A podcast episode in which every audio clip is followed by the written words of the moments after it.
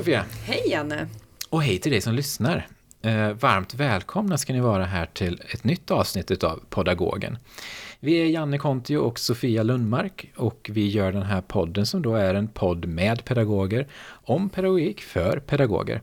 Och vi gör den här podden i samarbete med Skolporten för att sprida färska forskningsresultat i ämnet pedagogik eller något närliggande forskningsområde. Eh, målet är att podden ska utgöra en slags brygga mellan akademi och pedagoger ute i landet. I den här eh, poddserien så intervjuar vi forskare som har skrivit akademiska avhandlingar i pedagogik, eller som sagt ett närliggande eh, område. Och vi tänker att vi väljer avhandlingar som vi tycker många pedagoger skulle bli väldigt glada av att eh, läsa. Ett ämne som vi tror skulle behöva lite mer ljus på sig. Eh, och målet eh, med den här poddserien är också att vi ska försöka täcka in så väldigt många olika ämnen som möjligt och eh, så många olika utbildningsnivåer, instanser som möjligt och också att vi försöker täcka in ett så stort geografiskt område som möjligt. Den här gången så har våran podd tagit oss till Södertörns högskola. Yay. Och vem är det vi får träffa här då? Ja, jag har träffat Johan Sandén som eh, har disputerat i företagsekonomi och som jobbar på företagsekonomi med inriktning eh, mot offentlig organisation och ledning. Och det är lite intressant för Johan har skrivit en avhandling som heter Närbyråkrater och digitaliseringar. Hur lärares arbete formas av tidsstrukturer. Och den här avhandlingen är eh, väldigt färsk och eh, har även eh, fått utmärkelsen som lärarpanelens favorit i skolporten. Så den är högaktuell på många sätt skulle jag säga. Jag tror att det är många som kan känna igen sig i det som Johans avhandling tar avstamp i. För den tar avstamp i en ökad digitalisering och eh, den här ökade digitaliseringen det är ju någonting som vi märker av inte bara inom skolans värld och inom utbildningssektorn utan det här är ju någonting som vi alla är påverkade av på många olika nivåer. Och Eh, den här ökade digitaliseringen vad det gäller just skolan, det är det som, som Johan har studerat. Och eh, när vi tittar på den här digitaliseringen och de olika processer som pågår just nu så finns det en ökad press, inte minst kanske med de senaste två åren där många har fått eh, ta ganska snabba kliv in i eh, nya former av digitala möten eller digital undervisning eller att använda sig av nya typer av tjänster som man är ovan vid. Eh, så det finns en ökad press från samhället, det finns en ökad press från politiskt håll.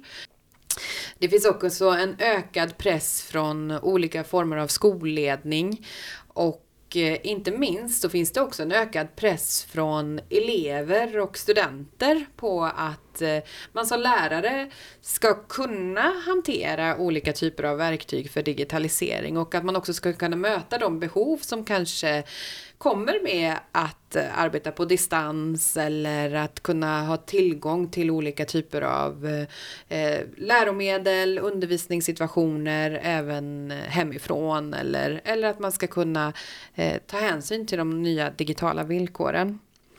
Och det Johan har studerat är egentligen hur det här påverkar lärare i den faktiska verksamheten. Och det är ju ganska intressant och någonting som vi har ganska stor erfarenhet av, tänker jag också.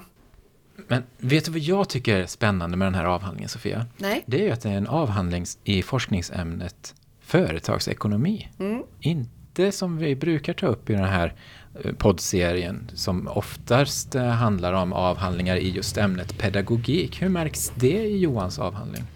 Ja, alltså det märks på lite olika sätt. Dels så märks det ju i de teoretiska avstamp och i eh, de olika typer av metoder och förhållningssätt som avhandlingen tar avstamp i.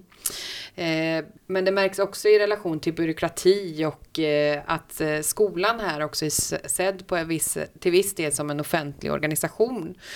Och Dessutom tror jag att det finns väldigt många fördelar med just att ta avstamp i det här företagsekonomiska eh, perspektivet och synen på just offentlig organisation och ledning i, eh, i den här avhandlingen för att den visar på andra dimensioner än eh, som kan vara väldigt lärorika och nyttiga för, för både lärare och för andra forskare inom eh, pedagogik eller didaktik att ta hänsyn till. Ja, och nu blir jag ju väldigt nyfiken på att få höra Johan. Ska vi klippa över dit? Ja, det gör vi. Men nu äntligen så, så har vi möjlighet att ses. Tack så mycket. Ja, men det är roligt att det, vi kunde få till det här. Det är inte alldeles lätt som du säger att boka möten. Nej, och vi är jätteglada att du vill vara med i Podagogen. Tack. Jag tänkte att vi ska prata lite om din avhandling som är ju relativt färsk och eh, en väldigt, väldigt fin avhandling vill jag bara säga först och främst för att jag har ju läst den här avhandlingen och jag tycker den är superintressant och jag tror att många utav våra lyssnare kan lära sig väldigt, väldigt mycket av den här. Eh, ofta när vi börjar den här pedagogen så brukar vi börja i titeln av avhandlingen. Skulle du kunna börja med att förklara lite om titeln på din avhandling? Ja, det kan jag göra för den kanske är lite kryptisk. Eh, jag är ju liksom förvaltningsforskare kan man väl säga. Och där eh, en teori då jag har använt för att studera offentliga förvaltningen är ju närbyråkratisk teori. Och eh, det är ju en, ett perspektiv som, där man betraktar de eh, som jobbar med att möta människor i, så att säga, i välfärden och så, där man levererar offentliga tjänster. När man sätter deras eh, arbete i främsta rummet kan man säga. Så att det är liksom, närbyråkrater är inte kanske ett jättebra ord, särskilt inte på svenska då. Det eh, heter ju street level bureaucracy mm. eh, på engelska. Eh, som kanske är lite mera målande. Men jag har ändå valt att sätta det först i titeln för att eh, hinta om vilket perspektiv jag har valt. Sen så heter det ju digitaliseringar då. Och det, det handlar ju lite grann om att eh, jag har låtit lärarna eh, som jag har pratat med i avhandlingen eh, definiera vad digitaliseringar är. Och, och då försöker jag väl antyda att det är en liten poäng att prata om flera digitaliseringar snarare än en, en enda digitalisering av skolan så att säga. Sen när det kommer till eh, undertiteln då, lärares, hur lärares arbete formas av tidsstrukturer. Så har jag valt att lyfta det där med tidsstrukturer för jag tycker det är, det är en av de större poänger jag försöker göra i avhandlingen. Att, att digitaliseringar medför tidsstrukturer för lärares arbete på olika sätt. Så det är ungefär så jag har tänkt. Så jag hoppas att eh, den kan funka även för läsare. Jag tycker att det är en jättebra titel. Jag blir, jag blir också väldigt nyfiken på det begreppet närbyråkrater. Jag tycker att det är ett bra begrepp men det skapar ju intressanta funderingar kring vilka är de här närbyråkraterna? Och nu har du gett några exempel. Har du några fler exempel på vad närbyråkrat... Vem är en närbyråkrat? Ja precis, det är kanske inte någon... Eh, ja, eftersom jag studerar skolan då, eh, och pratar med lärare så kan, eh, det kanske inte är så många lärare som ser sig själva som närbyråkrater liksom, eller som byråkrater. Eh, och det, det, det är kanske, man kanske ser sig mer som en eh, professionell yrkesutövare och så och det är ingen, ingen motsättning mellan de begreppen. Men det närbyråkrater pekar på det är att man på något sätt är delaktig i att leverera eh, offentlig politik eller offentliga åtagandet till, till medborgarna. Så att det är liksom det det handlar om. Och det, då andra typer av närbyråkrater kan ju vara poliser eller läkare eller sjuksköterskor, kriminalvårdare. Eh, olika typer av handläggare eller så inom arbetsförmedling, socialtjänst. Eh, men eh, det gemensamma är ju att man möter eh, medborgare eller de som ska använda offentliga tjänster. Ja. Och att det handlar om ett, ett så att säga offentligt åtagande att leverera den här tjänsten. Mm. Så att det inte privata tjänster. Nej.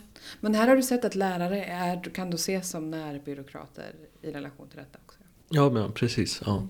Och det är ju egentligen även om man jobbar på en friskola eller privat driven skola för att det handlar om att man levererar ändå offentlig politik som är finansierad så att säga ur det gemensamma. Ja, ja.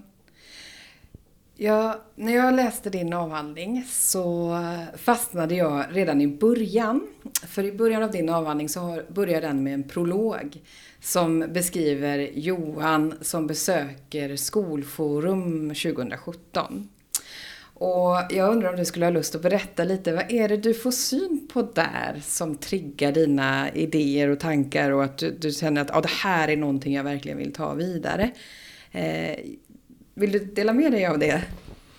Ja, precis. Jag ska försöka dra mig till minnes. ja. Eh, det, det där var ju en fas när jag höll på mycket med att eh, designa mitt forskningsprojekt och liksom försöka gräva lite djupare i vad är det eh, jag exakt ska fokusera på och så. Och jag visste ju att jag var intresserad av digitalisering och lärares arbete och sådär. Så jag tänkte att jag besöker den här mässan för att mm. få lite idéer eller försöka ringa in något, något fokus liksom. Ja. Eh, det jag slogs av var ju att det, var, det här är ju en, en mässa för ja, skolmänniskor i största allmänhet. Det var jag slogs av att det är alla, dels är det alla möjliga utställare där liksom, mm. som säljer allt möjligt. Och det var liksom någon som säljer ventilationssystem och sånt där. Det var inte riktigt det jag hade föreställt mig.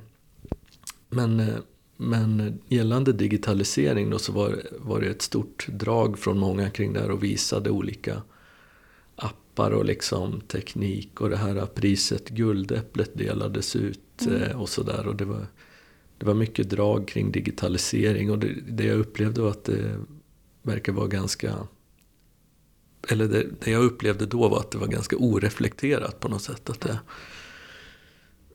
det var liksom ingen som frågade, eller det kanske var någon som, besökare som frågade varför ska man hålla på med det här liksom? Eller vad, eh, men, men det fanns liksom inga aktiviteter eller sådär som, som handlade om eh, nerkoppling eller liksom det här med att, att, att disconnection och att liksom komma närmare någon slags eh, eh, andra erfarenheter Nej. än mer digitala. Så att det, jag slogs väl av det helt enkelt. Mm.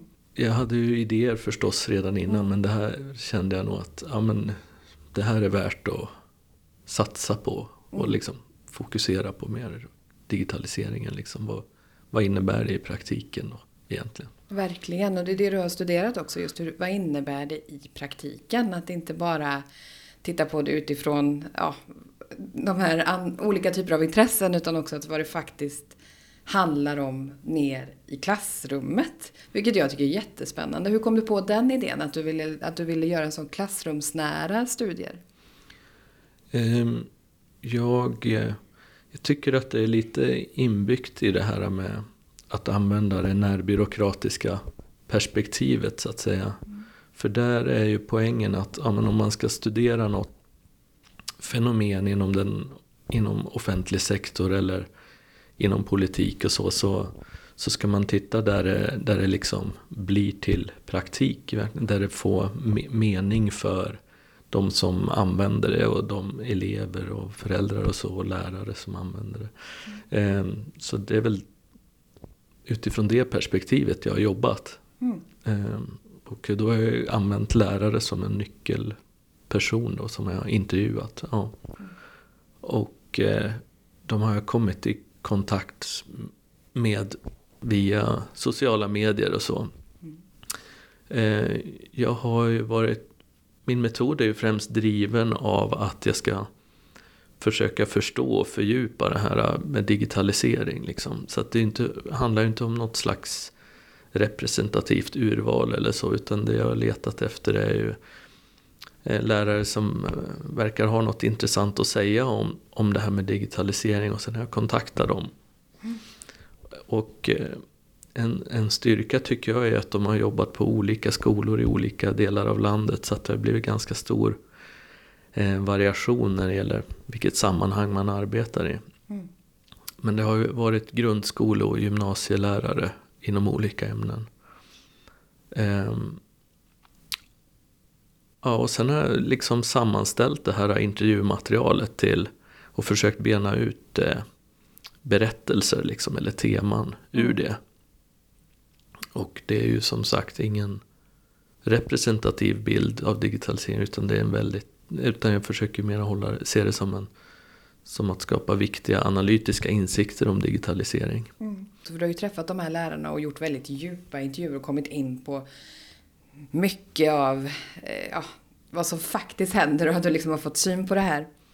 Eh, jo, och nu nämner du det här med att det inte är ett representativt urval.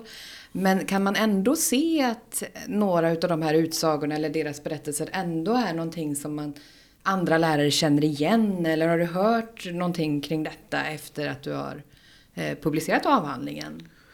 Ja men precis, det blir ju på det sättet man istället eh, reaktioner från lärare som säger att de känner igen sig mycket i beskrivningarna och sådär. Och det är det bästa sättet att verifiera eh, resultaten tycker jag. Ja. Och eh, att göra den här eh, podden och intervjun är förhoppningsvis del i det då, liksom att nå ut till, till praktikerna eh, med det här. Verkligen, ja.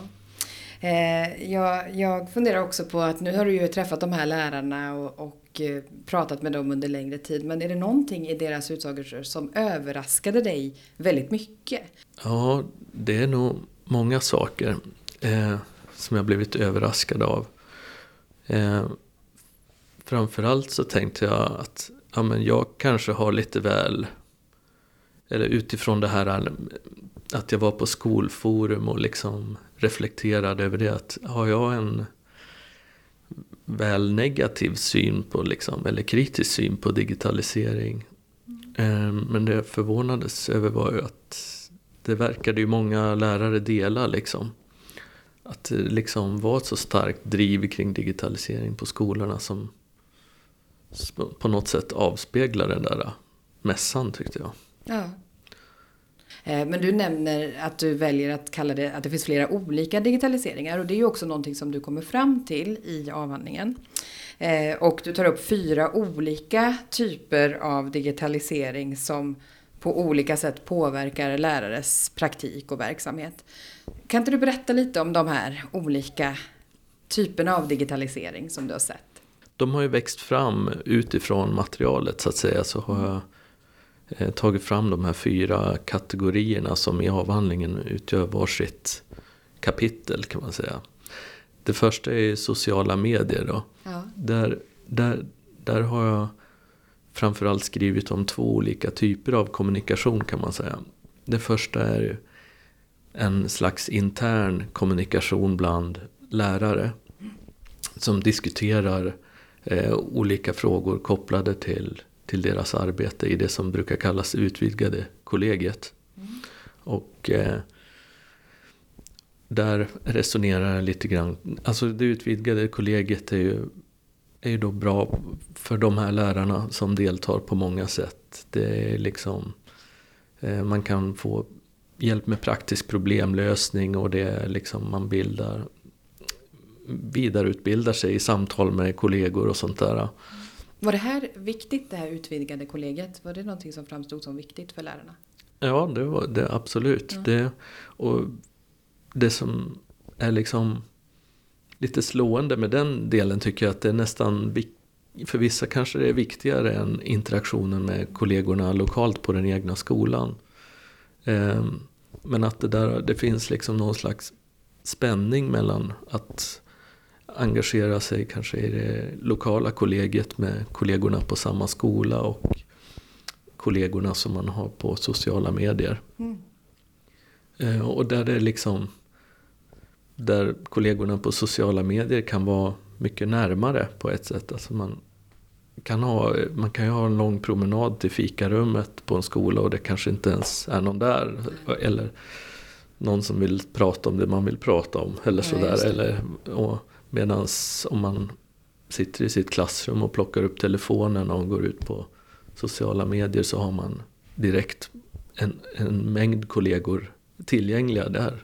Mm. Och eftersom det är så stort också eftersom man kan välja själv förstås hur många man vill följa och interagera med. Men en del har liksom har flera tusen aktiva i sina utvidgade kollegor. Då, då det, finns det ju alltid kanske någon som är intresserad av att diskutera det man vill prata om och så också.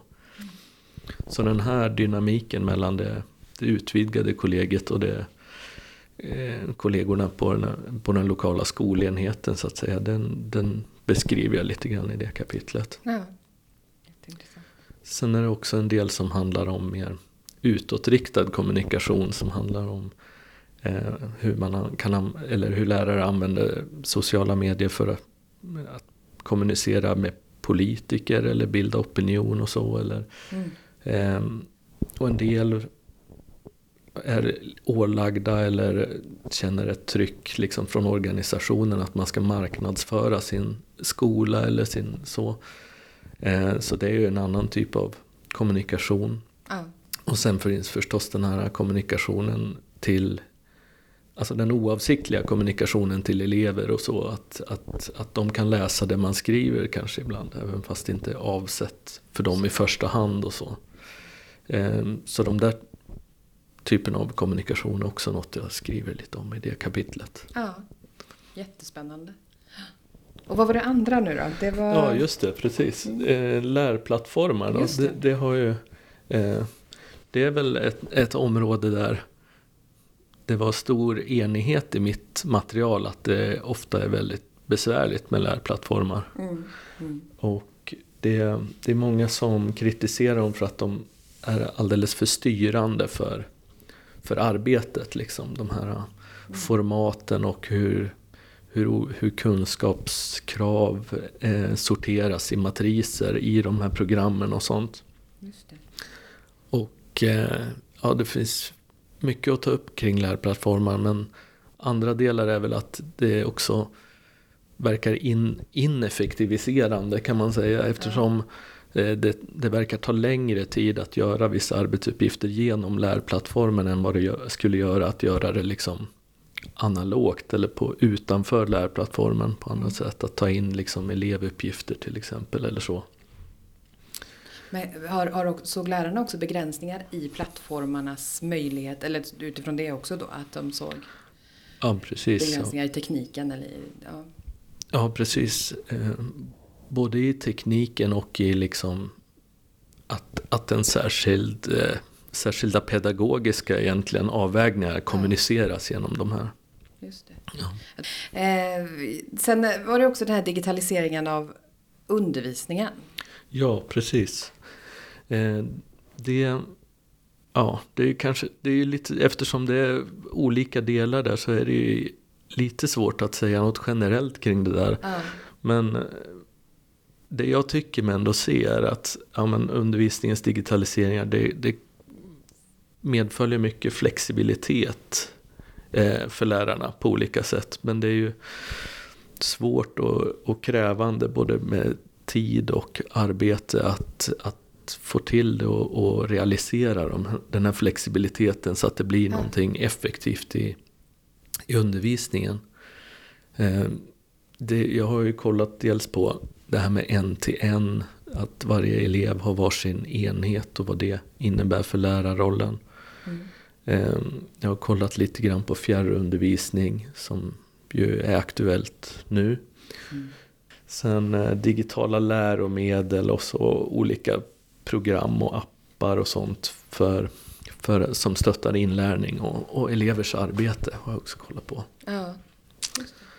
Eh, Ja, Och sen pratar du också om det här med eh, styrning eller att eh, digitaliseringen kan ses som ett styrverktyg. Vad menar du med det? Ja, precis. Ja. Ehm, ja.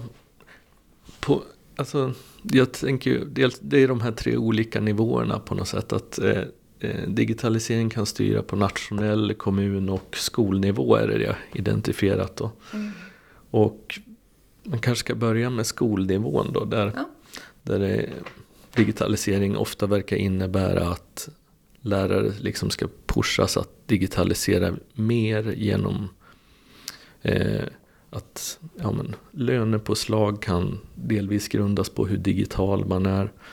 Eh, kurser och fortbildning handlar liksom ofta om digitalisering. Ja. Eh, en del kollegor som är, använder mycket digitala verktyg kan liksom väl, väljas ut som goda exempel och så i organisationen. Och sådär. Så att det finns sådana där digitalisering verkar liksom harmonera med organisationsstyrning på det där sättet även om ja, de här teknikerna med, med goda exempel, kurser och fortbildning och, och in, individuella lönesättningar är ju förstås inte per definition knutna till digitalisering men det verkar Nej. liksom sam, samverka på ett, något sätt. Det är jätteintressant och ingenting som, som man kanske tänker på. Men att det ändå, det verkar ju påverka, det påverkar ju på väldigt många sätt just den här organisatoriska styrningsverktyget. Du skriver också om att det är politisk eh, styrning. Eh. Ja, både på politisk och, och förvaltningsnivå kan man säga. Men på kommunförvaltningarna verkar det ju ofta handla om att digitalisera ska man göra för att, för att kunna dokumentera så att man tillgodoser granskare. Mm.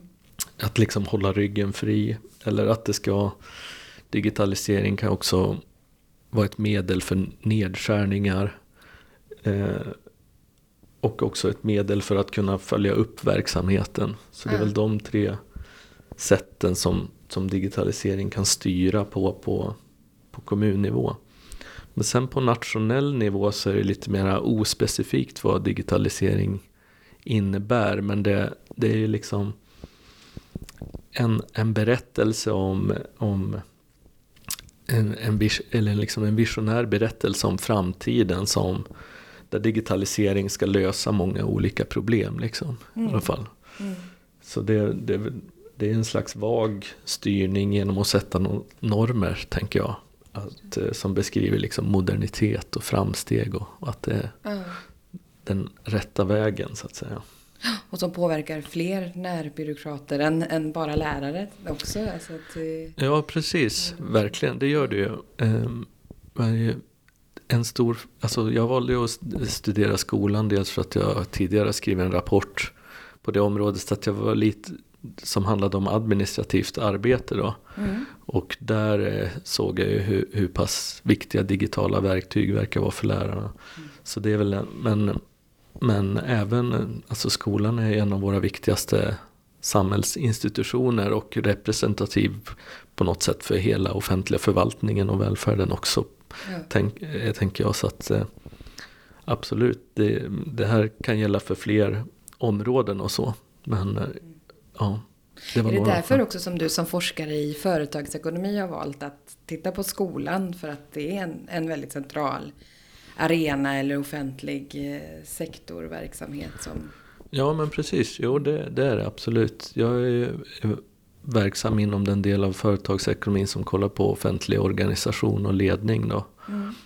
Och eh, jag tycker att eh, skolan är ett väldigt eh, ja, det är ett bra exempel på den offentliga verksamheten i stort. Och eh, förutom att skolan förstås i sig är otroligt viktig. Ja. Mm.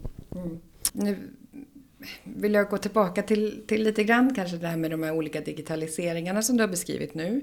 Eh, för i din avhandling så tar du ju också upp att lärare inte längre bara, eller bara och bara, men alltså att lärare inte längre bara behöver ha lärarrollens expertroll utan att en lärare idag behöver ha andra roller eller andra kompetenser som kan handla om allt från att man ska kunna vara kommunikatör eller att man ska vara redaktör av innehåll och man ska kunna vara tekniker och skådespelare och polis och det tar upp väldigt många olika roller som en lärare har. Det blir jag väldigt, väldigt nyfiken på. Det tänker jag också att många av våra lyssnare skulle vilja höra mer om. Ja, det är ju eh, Det är ju förstås kanske inte nytt att lärare måste ägna sig åt alla de här sakerna. Nej. Men, men det jag försöker eh, poängtera är ju att digitaliseringar på olika sätt medför att de här polisrollen till exempel förstärks. Mm. Eh, och att det i och för sig då så kan man säga att, att sociala medier och det här utvidgade kollegiet som vi pratade om innan eh, delvis används för att stärka lärares expertroll. Men eh, det, argumentet jag försöker ändå lyfta fram är att många av de här digitaliseringarna förstärker andra roller som riskerar att tränga ut den här expertrollen vilket man på något sätt kan säga ändå är lärares kärna eller som handlar om undervisningen och inlärningen och mm. kompetensen inom sitt ämne och pedagogiken och didaktiken och så. Eh, ja, så det är väl det det handlar om egentligen. Ja. Ja, jag tycker att du gör det på ett väldigt tydligt sätt också. Det vill jag rekommendera alla att läsa just de här delarna. För det blir väldigt, även om det inte kanske är något nytt, att man har många olika roller och man behöver befrämja olika kompetenser i ett klassrum eller som lärare. Eller skolpersonal överlag. Eh, men att det blir väldigt tydligt i, i, när du strukturerar upp de här olika rollerna att det också har en sån betydelse i samhället och man ser den här vikten av lärarnas roll också i samhället med de här olika, ex, ja, som också blir andra typer av expertroller som man behöver inneha eller som man behöver öva sig i eller lära sig. Ja men roligt att du tycker det verkar funka. Jag tror de här metaforerna gör det lite effektfullt liksom. Jätte, liksom. Ja. Att man eh, kanske belyser de här olika delarna tydligare. Liksom. Ja, verkligen. Mm. Eh, jag eh, tänker också att i avhandlingen så använder du begreppen alien, alienation och coping som processer som lärarna tvingas använda sig av. Kan du berätta lite mer om de här perspektiven? Att, vad menar du med det? Vad är det lärarna behöver hantera i relation till, till de här mer teoretiska begreppen? Så? Ja, precis. Det var eh, kul att få prata lite om det. eh, alienation handlar ju på något sätt om att man eh, blir främmande för någonting. Mm. och som, som man är tänkt att höra ihop med, så att säga. Och det som är gemensamt för många närbyråkrater och lärare särskilt är att man man är väldigt engagerad i sitt arbete och man har en stark professionell identitet som, eh, som, som lärare och vill liksom göra det bästa utifrån mm. sina förutsättningar för medborgare och, och man vill ägna sig åt den här expertrollen. Liksom. Och när man genom digitaliseringar riskerar att komma längre ifrån den här kärnan så att säga, så kan man beskriva det som en, en alienationsprocess. Ja. Så rollerna är ju ett, ett, ett steg i det. En annan stor, stort tema som jag har i avhandlingen är ju det här eh, med tidsstyrning, att digitaliseringar medför olika tidsstrukturer för lärares arbete. Och det menar jag också är alienerande då. Ja. För, för eh, att man få allt mindre och mindre kontroll över att styra över sin egen tid så att säga. Blir, eh, är ju ett, en process som gör att man kommer längre från, från yrket och hur man vill lägga upp det och sånt där. Mm.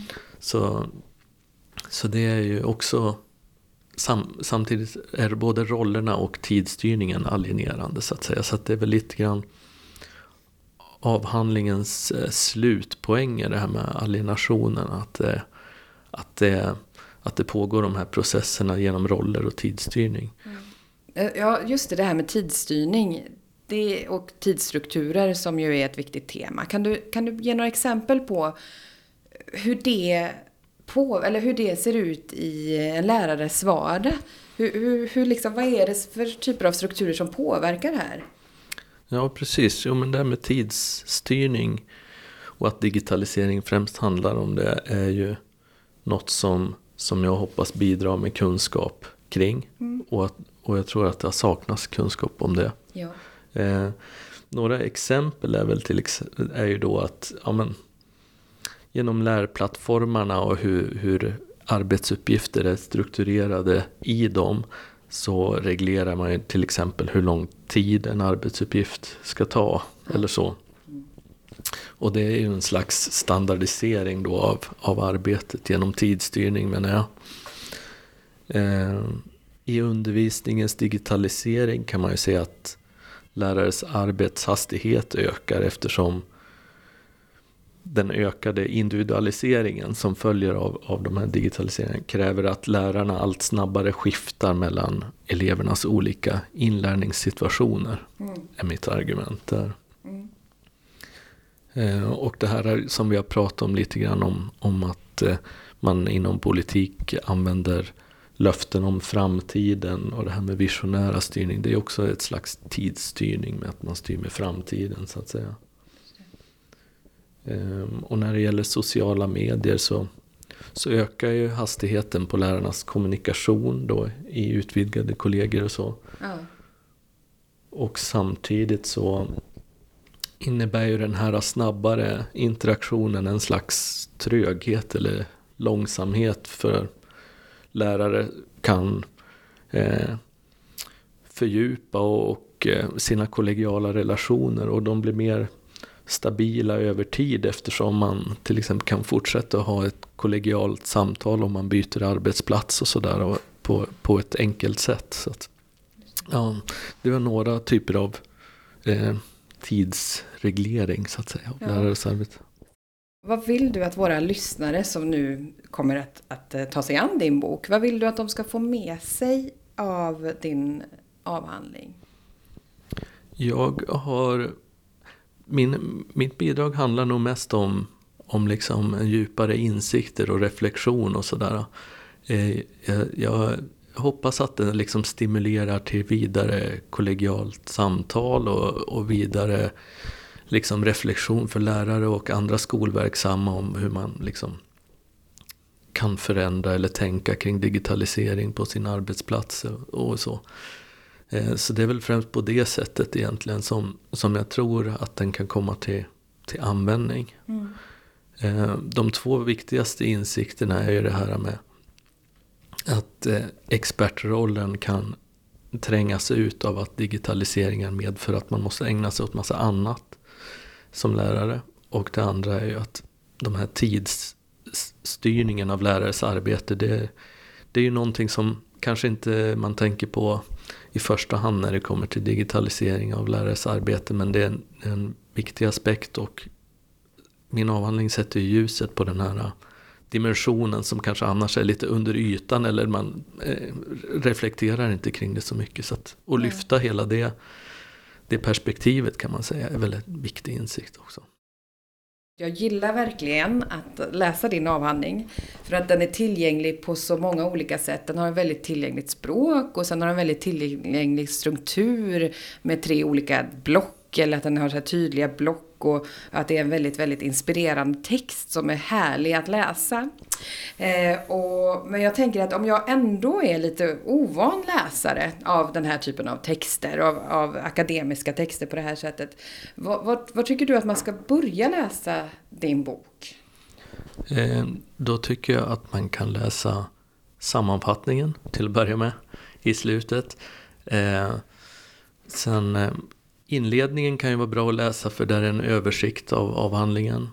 Ehm, men annars kanske det är roligast att ge sig direkt på, på det andra blocket med de empiriska kapitlen för de kan man läsa ganska eh, fritt eller fristående från andra delar av avhandlingen tycker jag. Ja. Eller det har varit min ambition i alla fall. Det är roligt att du tycker det verkar funka för att jag har försökt att jobba med det där med att göra avhandlingen tillgänglig på olika sätt. Det är den verkligen. Jag tycker verkligen att det funkar. Så det var jätterolig läsning.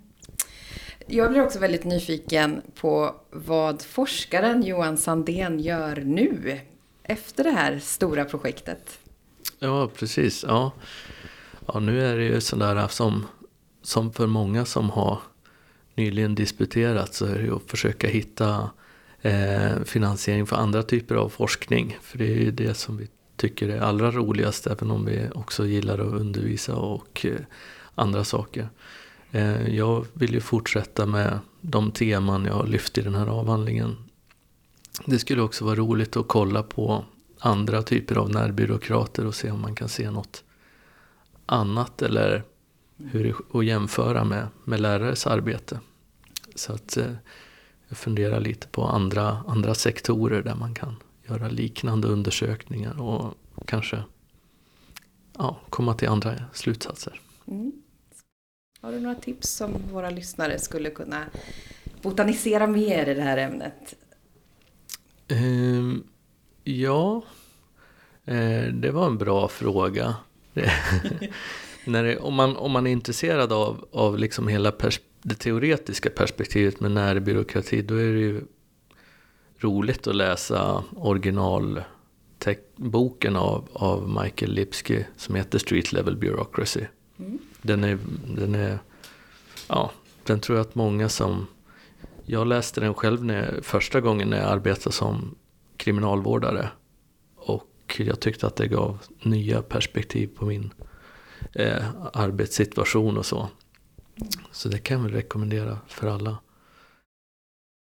Med det då Johan, så skulle jag vilja tacka så hemskt mycket för det här samtalet. Jag tycker att det gav jättemånga nya insikter. Jag hoppas verkligen, eller jag är helt säker på att våra lyssnare kommer att eh, lära sig väldigt mycket nytt och få många nya perspektiv utifrån det här samtalet. Så tack Johan.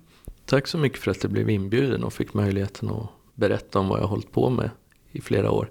Och är det någon som vill fråga något eller sådär så får ni gärna kontakta mig. Min mailadress och så finns ju på Södertörns högskolas hemsida. Och sådär. Tack så mycket. Jättefint. Oj, vad spännande det här var att lyssna på Sofia. Att eh, skolan digitaliseras innebär ju, förstår vi nu, att lärare förväntas anta flera olika roller och kanske fler roller än den, bara den traditionella expertrollen. Det kommer ni att prata ganska mycket om. Ja, det är jätteintressant tycker jag och det var ett väldigt intressant samtal som vi hade just om det här. Och många andra aspekter i avhandlingen såklart. Eh, men eh, Johan lyckas ju verkligen sätta ord på det här, den här förändringen som digitaliseringen och användningen av digitala verktyg faktiskt har för lärare.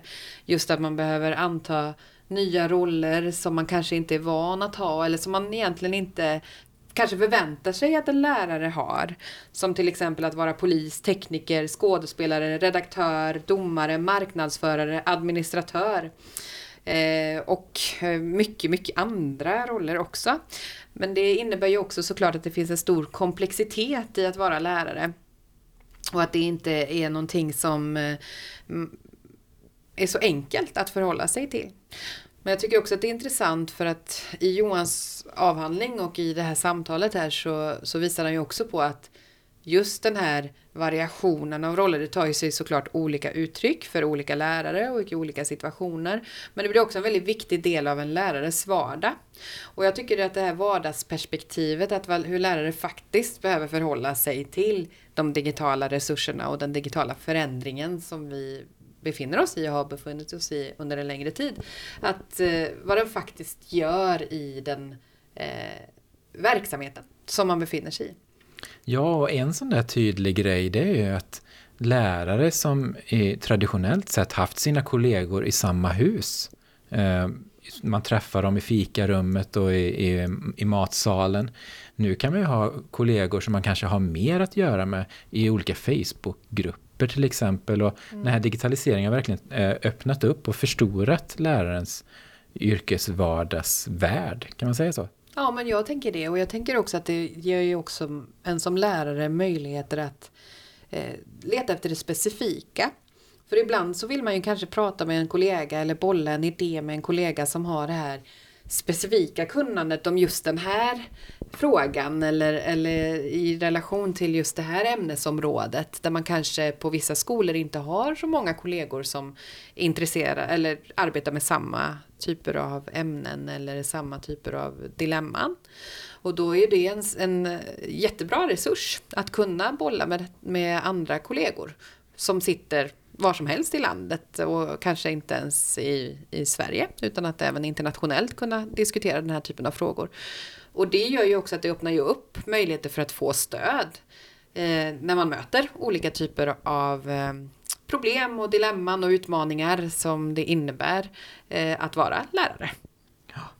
Och vi tror ju, efter att ha läst den här avhandlingen så vet vi att det här eh, är ju någonting som många lärare kan ha stor glädje av att läsa om. Jag tror att väldigt många lärare kan känna igen sig i den här digitala och digitaliserade världen som man nu lever i. Det tror jag absolut. Och eh, jag tänker också att just Johans avhandling, jag tycker att den är så himla lättillgänglig också. Att det finns så många delar i den här som jag tror att oavsett vad man är lärare i eller vad man undervisar i så tror jag att det är många delar man kan ha stor nytta av. Så att eh, vi slår ett slag för att eh, ladda ner den här eh, eller låna den på något närmaste bibliotek. Ja. ja, jo, nej men är det så att eh, det kan vara lite klurigt att veta vart man kan hitta den här avhandlingen så finns den förstås länkad i olika sammanhang. Bland annat så hittar man den på Skolporten. Skolporten som är vår stora samarbetspartner i den här poddserien som vi vill skicka ett särskilt stort tack till även den här gången. Vi vill också passa på att tacka MT Talks och SH Medieproduktion eh, Södertörns högskolas medieproduktion, som är med och sponsrar denna podd, inte minst genom våra inspelningstekniker. Vi brukar också så här i slutet av podden, i poddavsnittet, eh, uppmuntra till att ni får jättegärna skicka in förslag på eh, avhandlingar som ni har stött på som ni tycker är särskilt intressanta eller olika avhandlingsämnen som ni kanske skulle vilja att vi tar upp. Eh, digitalisering skulle kunna varit ett sådant ämne som och eh, ni hittar oss på Instagram, där vi heter Pedagogen förstås. Och eh, ni kan hitta våra poddar där ni hittar poddar. Och med det sagt så vill jag säga stort tack Sofia. Tack och tack alla som har lyssnat. Varmt välkomna till